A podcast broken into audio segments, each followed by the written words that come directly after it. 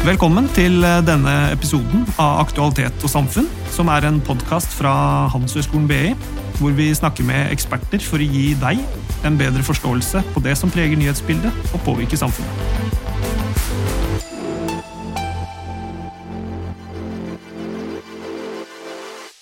Da kan jeg ønske velkommen til studio Mats Nordmo Arnestad. Jeg heter Martine Frikk, og jeg jobber i kommunikasjonsavdelingen til BI. Mats, du er psykolog, forsker og foreleser her på BI. I tillegg så er du aktuell med serien Hele Norge jobber, hvor du går i dybden på noen av de tingene som opptar oss mest på arbeidsplassen, og som former arbeidslivet vårt.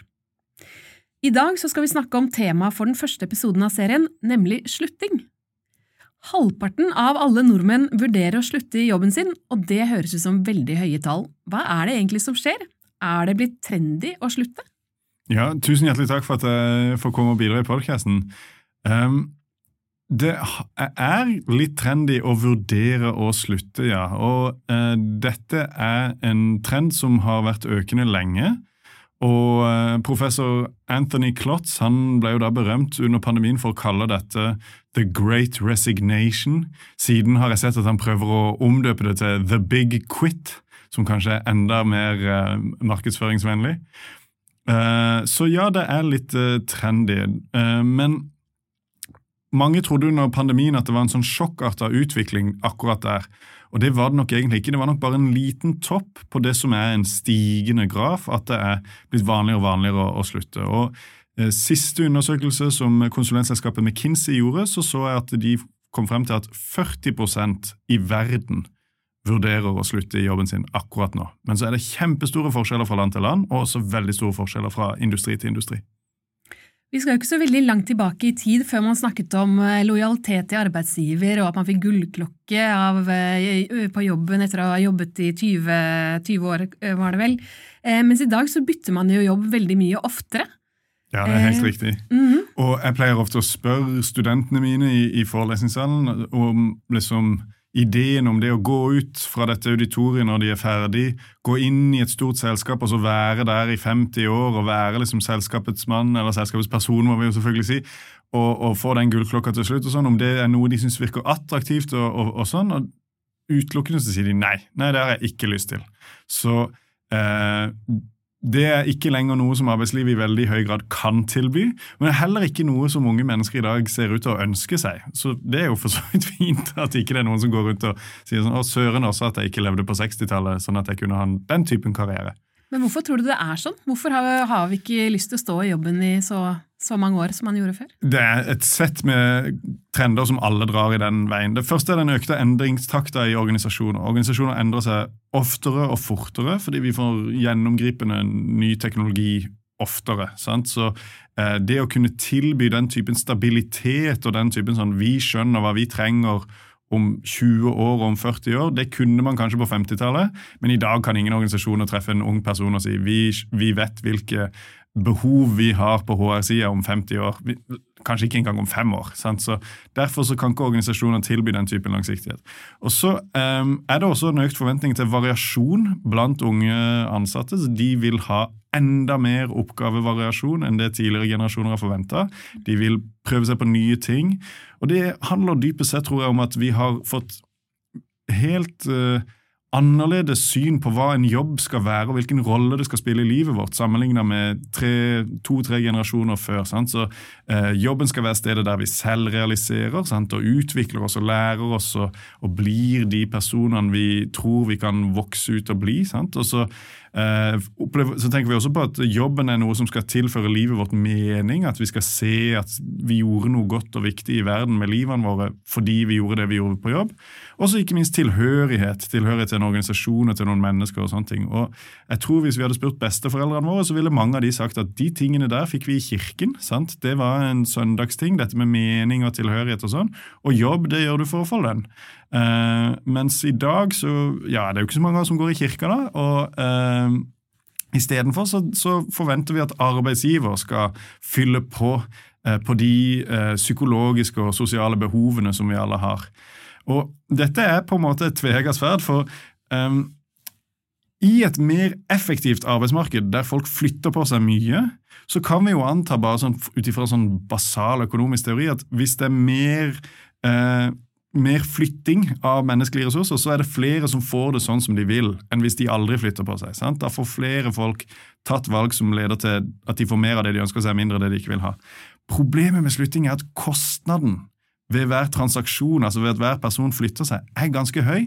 Både for enkeltindividet, fordi det er slitsomt å slutte å begynne en ny plass, men også for organisasjonen, for det er fryktelig dyrt når de ansatte slutter og begynner en annen plass. Og når eh, noen først eh, slutter da, i jobben sin, hva er ofte grunnene de oppgir til at de slutter? Ja, det er ganske variert, sant? Hovedårsaken, hvis du skal si det som en tweet, er at vi slutter fra dårlige ledere, og så slutter vi til høyere lønn. Så veldig få oppgir den lave lønnen som grunnen til at de slutter, men veldig mange oppgir den høye lønnen til hvorfor de vil ha den nye jobben sin. Vi, vi, må pakke litt ut hva som ligger i det der dårlige ledere. Rent spesifikt så er det veldig ofte at man opplever at min leder ser ikke på meg som et talent, ser ikke på meg som en som kan mer enn det jeg gjør i dag. Min leder ser på meg og sier vi liker deg veldig godt akkurat der du er, med akkurat de arbeidsoppgavene du har.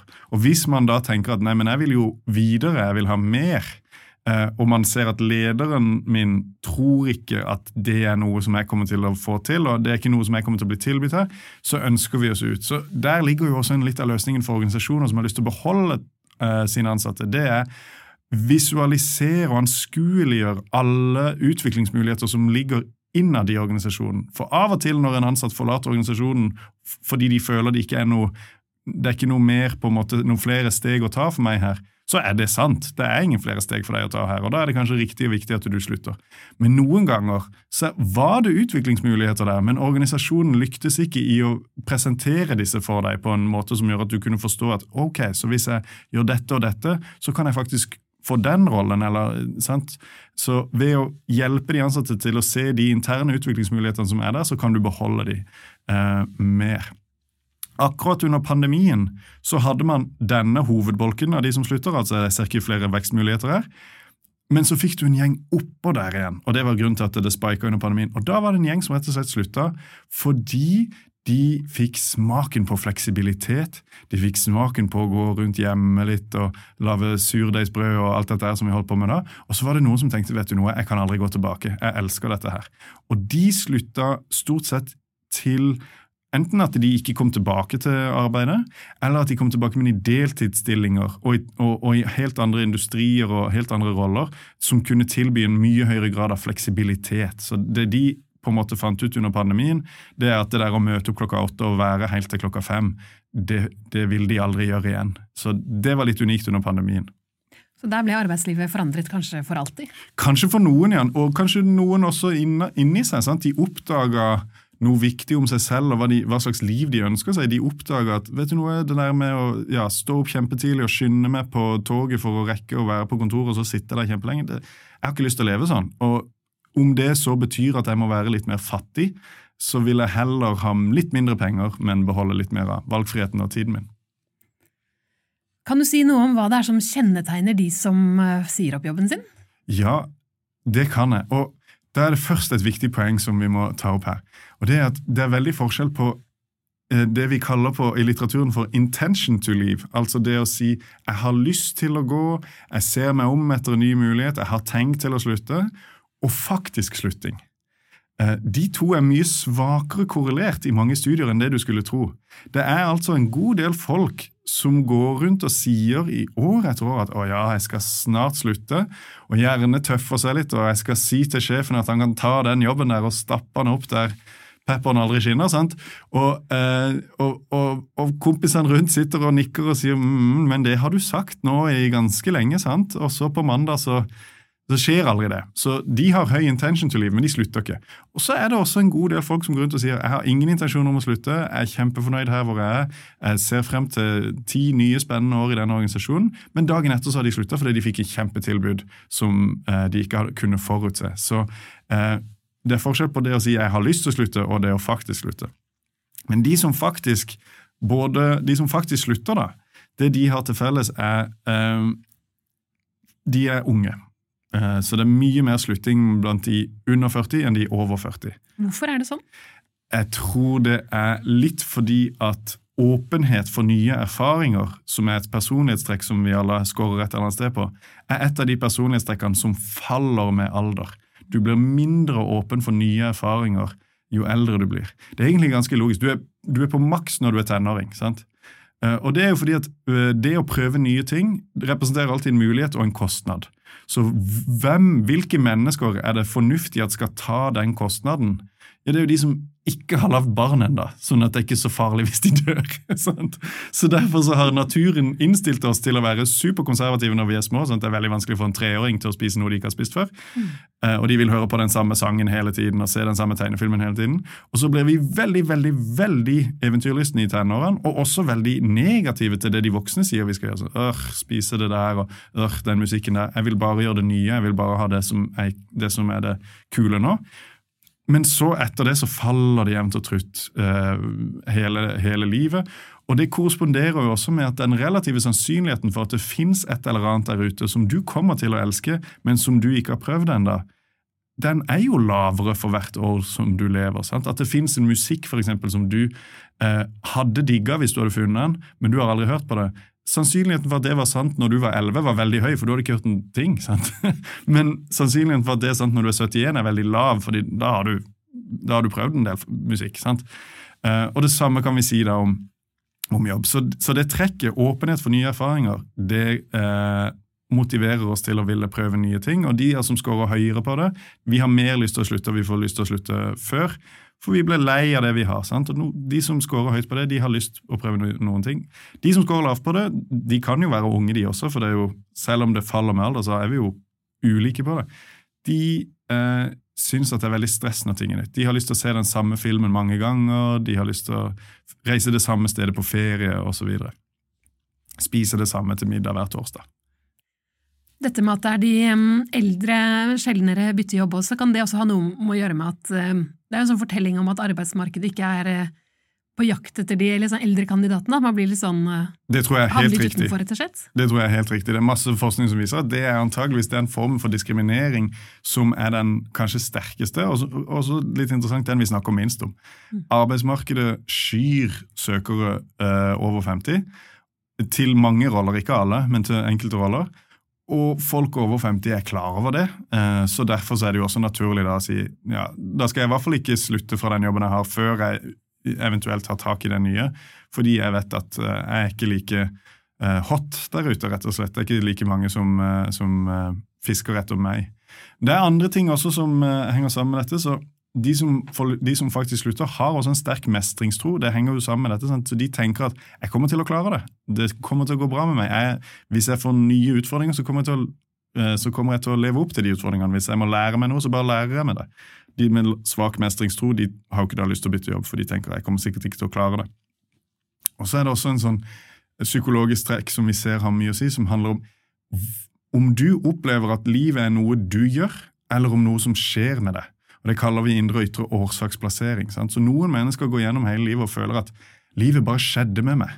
Jeg ble sendt på den skolen der, og så ble jeg satt til å gjøre de tingene der. og Så, ja, så sendte de meg på BI, og så havna jeg i en klasse, og så havna jeg på en gruppe, og så, så endte jeg opp med markedsføring. Sant? De har hele dette livet som, hvor de bare selv er en slags uh, Den er kula inni pinballmaskinen, som har ingen vilje i seg selv. Andre har helt motsatt narrativ i sitt eget liv. Det er sånn 'Jeg valgte å gå på BI. Jeg valgte så markedsføring. Jeg var alltid interessert i det.' Og så tok jeg verden ved, ved hornene, og så tvang jeg den til min vilje. sant? Og det er den sistnevnte gruppa, de som føler at jeg skaper min egen skjebne, det er de som slutter.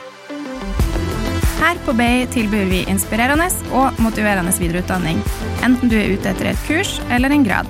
Vil du lære mer om temaet i dagens episode? På BI får du ei bred innføring i ledelse, eller bare litt påfyll, enten du skal lede prosjekter, bedrifter eller organisasjoner. Se link i episodebeskrivelse for mer informasjon.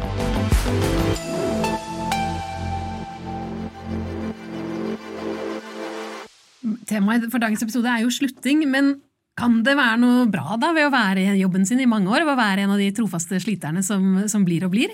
Av ymse grunner, men så ja, velger å ikke slutte? Det er en kostnad med å slutte, både for den som slutter og for organisasjonen. Sant? Det er stress å slutte, og det er stress å, å få en uh, ny jobb. Um, fordi da, blir, da, må du lære deg alt på den jobben. Sant? Du har ingen automatisert rutine. og sånn. Første dag på en ny jobb er utmattende. Sant? Det er jo bare hvor spiser vi lunsj, eller hvordan skal jeg få gått på do? Sant? Alt krever konsentrasjon og problemløsning plutselig.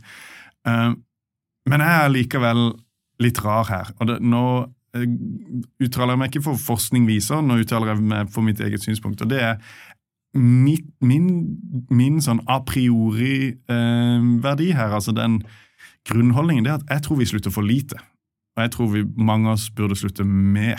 Mm. Eh, og det er fordi jeg tror at det er en betydelig minoritet i arbeidsmarkedet, minoritet, men allikevel for stor en, som ærlig talt har mista mesteparten av inspirasjonen og, og, arbeidsgleden for det de holder på med. De syns ikke det de gjør er, er gøy og, og, viktig, og sånne ting, og de bare fortsetter å gjøre det. Det er tenk sånn lærere som er drittlei av alle elever, sant? eller en frisør som bare ikke orker mer hår. Sant? Den type ting. Det er sånn åh, det, det, sånn, De har kommet seg til et punkt der det er veldig vanskelig å se for seg at de nå skal kunne finne arbeidsglede og trivsel på jobb igjen. Og eh, Det er tre ting med, med, de som jeg tenker er viktig å forstå. For det første, det er supertrist for de. For dette er jo livet deres. Vi tilbringer de fleste våkne timer i vårt voksne liv på jobb. sant? Så hvis du holder på med noe du syns er gørra kjedelig, og mista all Altså, du var interessert i det før, og sånn, men nå har det blitt så Ja, ikke sånn som du så for deg. Ja, så kaster du jo bort dette lille lysglimt i den kosmiske natta som du har fått her. sant? Du var du var død uendelig tid frem til du ble født, og etter at du dør Kanskje du håper det skal skje noe kult da, men det vet du ikke. Eh, men i denne formen, i denne kroppen, på denne planeten, der skal du i hvert fall ikke finnes mer, og det skal også vare uendelig. Så her har du fått et bitte, bitte lite øyeblikk. sant? Og det å da gå rundt og holde på med en jobb som du syns er kjedelig, det er jo veldig, veldig trist for den personen. Og så er det også trist fordi at det står formodentlig noen andre og skraper på døra og syns at din jobb virker dødsgøy. Sant? Som syns det virker så spennende å jobbe med elever, eller som syns det virker så spennende å jobbe med hår. Og Hvis du trer til side, så kan kanskje noen andre fylle den rollen, med ny inspirasjon og ny giv. og, og sånne ting. Og Det er jo bedre for elevene og bedre for, uh, for frisyrene.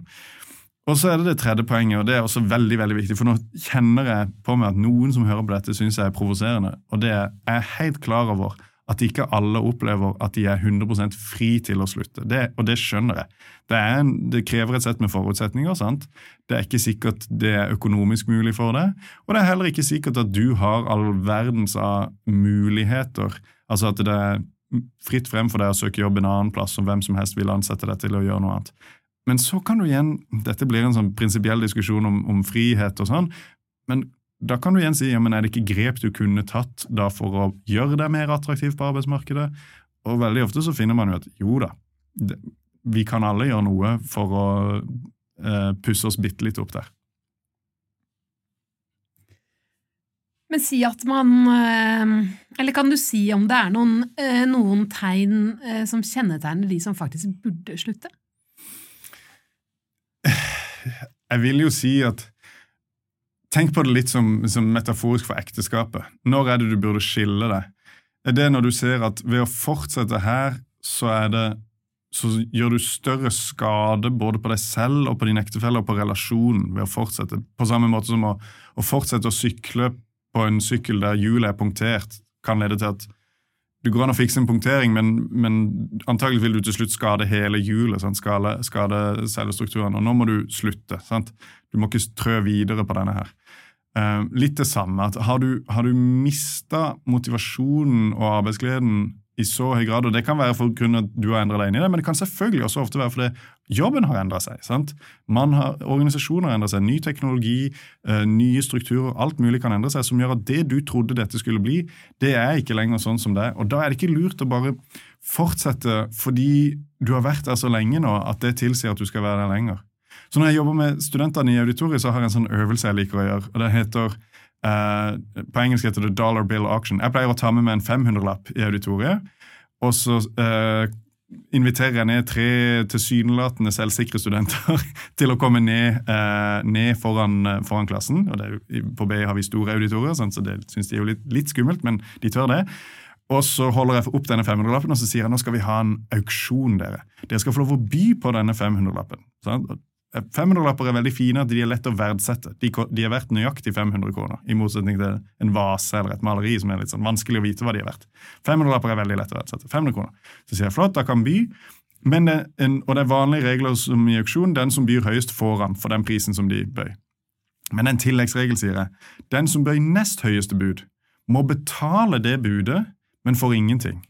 Ja. Ok, Og så går de i gang, og så sier de 100, 150, 200, 250 sånn. Og så til slutt så har jo noen da til slutt bydd 500 kroner for denne 500-lappen. Ok, men da er det noen andre veldig ofte som har sitt andre bud var 450. Og de innser at oi, hvis jeg, nå, eh, hvis, hvis jeg nå dunker med hammeren min, så kommer de til å måtte gi meg 450, og da får de ingenting. Sant? Og da, da skjer det magiske øyeblikket i auditoriet der noen sier 550. Og så er det sånn, virkelig? Byr du 550 på en femmerlapp? Ja, jeg gjør jo det, sant? Ok, første gang, andre gang, og da kommer jo personen med 500 bud og sier 600. sant? Og så fortsetter de. Og nå har noe magisk skjedd, for nå driver ikke de lenger og prøver å få noe. sant? Nå prøver de å unngå å miste noe. Nå er det sånn at de håper, Når de da byr 700, så er det det at de håper at de i det minste skal få den 500-lappen, sånn at det bare blir et tap på 200 i stedet for et tap på 650, som er det de risikerer å måtte betale hvis de ikke byr. Og Så fortsetter de en stund oppover det, og til slutt så eh, kan de puste lettet ut, når jeg inviterer de til å si skal vi nulle ut denne auksjonen. Og da sier alle ja, vi gjør det. og Så, ingen, så beholder jeg 500-lappen min, og så trenger ingen betale meg noe.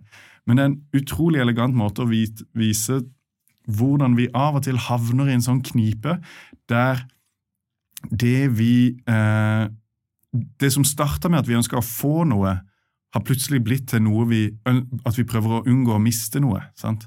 Og der, Den skal vi vel, følge litt med. Så hvis du blir værende i jobben din bare fordi sånn, åh, jeg har vært her for lenge nå til å gi meg, jeg har investert for mye i dette selskapet til å bare gå fra det, og sånne ting, det kan være et hint til at kanskje du burde gå. da. Et lurt triks da, det er å spørre en venn.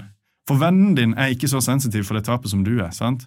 Og Det samme gjelder for så vidt i parforhold. sant? Hvis du er sånn mm, Ja, det funker jo ikke noe bra i kjærlighetsforholdet mitt med denne personen, men eh, vi har jo jobba så hardt og hatt alle disse lange samtalene, sånn, så spør du vennen din burde jeg slå opp. Vennen din kommer til å si ja, du burde totally slå, slå opp. Det der er ikke noe lurt. sant? Og samme med jobb. sånn, og denne arbeidsplassen. Jeg har jo vært her så lenge, og sånn, men jeg ser jo at ikke er fremover så ser det jo ikke ut til å være et bra sted for meg å være.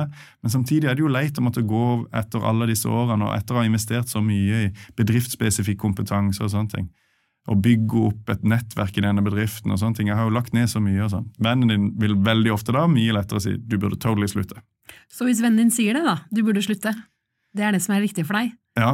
er det da noe riktig måte å slutte på? Eller i motsatt, er det noe man virkelig ikke burde gjøre når du først har tatt valget og bestemt deg for å slutte? Ja, på samme måte som i kjærlighetsforhold så er det jo det. sant? Det er jo lurt å være ryddig, det er jo lurt å være voksen, det er jo lurt å bli huska. Og det er jo lurt også eh, huske på, på, en god måte. Og det er lurt også å huske at det kan godt være du skal komme tilbake igjen. sant? For det er jo en realitet i et uh, arbeidsmarked der folk flytter mye rundt på seg. det at det kan godt være du kommer til å om en annen gang ville inn igjen i den organisasjonen. og Da ønsker du at de skal huske deg så positivt som mulig. Du kan også komme tilbake som kunde, og du kan også komme tilbake som leverandør. og I alle disse settingene så er du avhengig av å kunne etablere en effektiv arbeidsrelasjon med de menneskene som du forlater. Så det er veldig lurt. Man ser jo disse eh, virale klippene på YouTube og, og andre tjenester der folk liksom slutter på veldig spektakulære måter og liksom slipper mikrofonen midt på en livesending. og sånn eh, Flyvertinner som sier opp på den der mikrofonen på flyet og sånne ting. Mm. Og, og, det er jo noe sånn der deilig og, og nesten sånn et følelse av katarsis i de der. Sant? At det er sånn 'Å ja! Slutt!' Sant? Med, med, med kraft. Men det er ikke noe lurt, da, på samme måte som at eh, den derre eh, det der eh, romantiske bruddet der man står og kaster klærne til, eh, ut av vinduet og ned på fortauet og sånn, det, det, er ikke å, å, foretrekke. Det kan se liksom kanskje dramatisk og stilig ut. Å se andre folk gjøre det, er jo kjempespennende, men du burde ikke, burde ikke sikte på den selv. Nei, så en rolig, en rolig, avslutning eller en hyggelig avslutning er, er, det beste. Det er det. Men så er det en viktig bit her også, og det er arbeidsgiver. Når, de, eh, når noen slutter, og dette syndes, syndes det mye på ute i industrien, de burde absolutt ha et såkalt exit-intervju. Du må prate med dem på vei ut. Fordi da er de unikt åpne og ærlige om hva de syns om organisasjonen, om ledelsen, om måten ting blir gjort på. Og Da er det også veldig veldig viktig at det exit-intervjuet kan ikke utføres av det som da var vedkommendes nærmeste leder, for de, kommer, de har ingen insentiver til å være helt ærlig med den personen. Du må få inn en ekstern part. sant? Mm. altså en HR-avdeling eller Ja, og aller helst kanskje noen utenfor der igjen også. sant? At ja, Du tar exit-intervju med en innleid konsulent, og så tar den innleide konsulenten og transkriberer det du sier, og så mm. rapporterer det til HR-avdelingen. Mm. For du kommer til å være helt ærlig med den innleide konsulenten. Det kan være lurt, for det kan forsvinne ut med den medarbeideren som er på vei ut av organisasjonen, kan det forsvinne utrolig mye verdifull innsikt, masse konstruktive endringsforslag og sånne ting. Ikke minst er det viktig å forstå hvorfor de slutter. For det er én ting med slutting som er sånn der alle lederes det som holder ledere våkne om natta, for det er superfarlig for organisasjoner. Og det er såkalte sluttekaskader. Mm. Og det er når, når, du slutter, og derfor så sier jeg ja, hvis, hvis hun ikke gidder mer, da, da gidder ikke jeg heller mer. Så slutter jeg også. Og da er det kanskje to andre som sier ja, hvis de to ikke gidder mer, da gidder ikke jeg heller mer. Og da er det kanskje fem andre som sier hvis alle de skal gå, ja, da tror jeg ikke lenger at den organisasjonen kommer til å kunne liksom, bli den som vinner fremover. Og jeg har lyst til å være på vinnerlaget, så da stikker jeg også. Også, og også de som blir igjen, da vil jo innse sånn åh, fram til vi nå får erstatta disse menneskene, så kommer vi til å måtte jobbe 5000% hardere for å kompensere. Sant? For det tar lang tid før vi får inn noen nye som, som faktisk kan dra lasset like hardt som, som eh, disse kunne. Og da kan det plutselig få en sånn ripple-effekt som er superskummel. Og som leder da er det veldig vanskelig å si sånn Yikes, hvordan stopper du det? sant? Så det exit-intervjuet kan gi deg innsikter om hvorfor de slutter, som gjør at du kan redusere sannsynligheten for at du får en sånn kaskade. Det høres uh, i så fall fornuftig ut, for det kan jo fort bli en sånn snøball som bare ruller og blir større og større. Veldig ekkelt. Medføre store endringer. Ja, og, og eh, du kan jo fort få liksom fem år før du klarer å produsere eller levere på samme nivå kvantitativt og på kvalitet som du gjorde før den der katastrofen inntraff. Så de snøballene der er skumle. Mats, det har vært eh, veldig fint å ha besøk av deg i studio. Nå har vi lært mye om et tema som opptar oss, eh, opptar oss alle, så tusen takk for eh, at du kom. Flott. Ikke slutt å lage podkaster.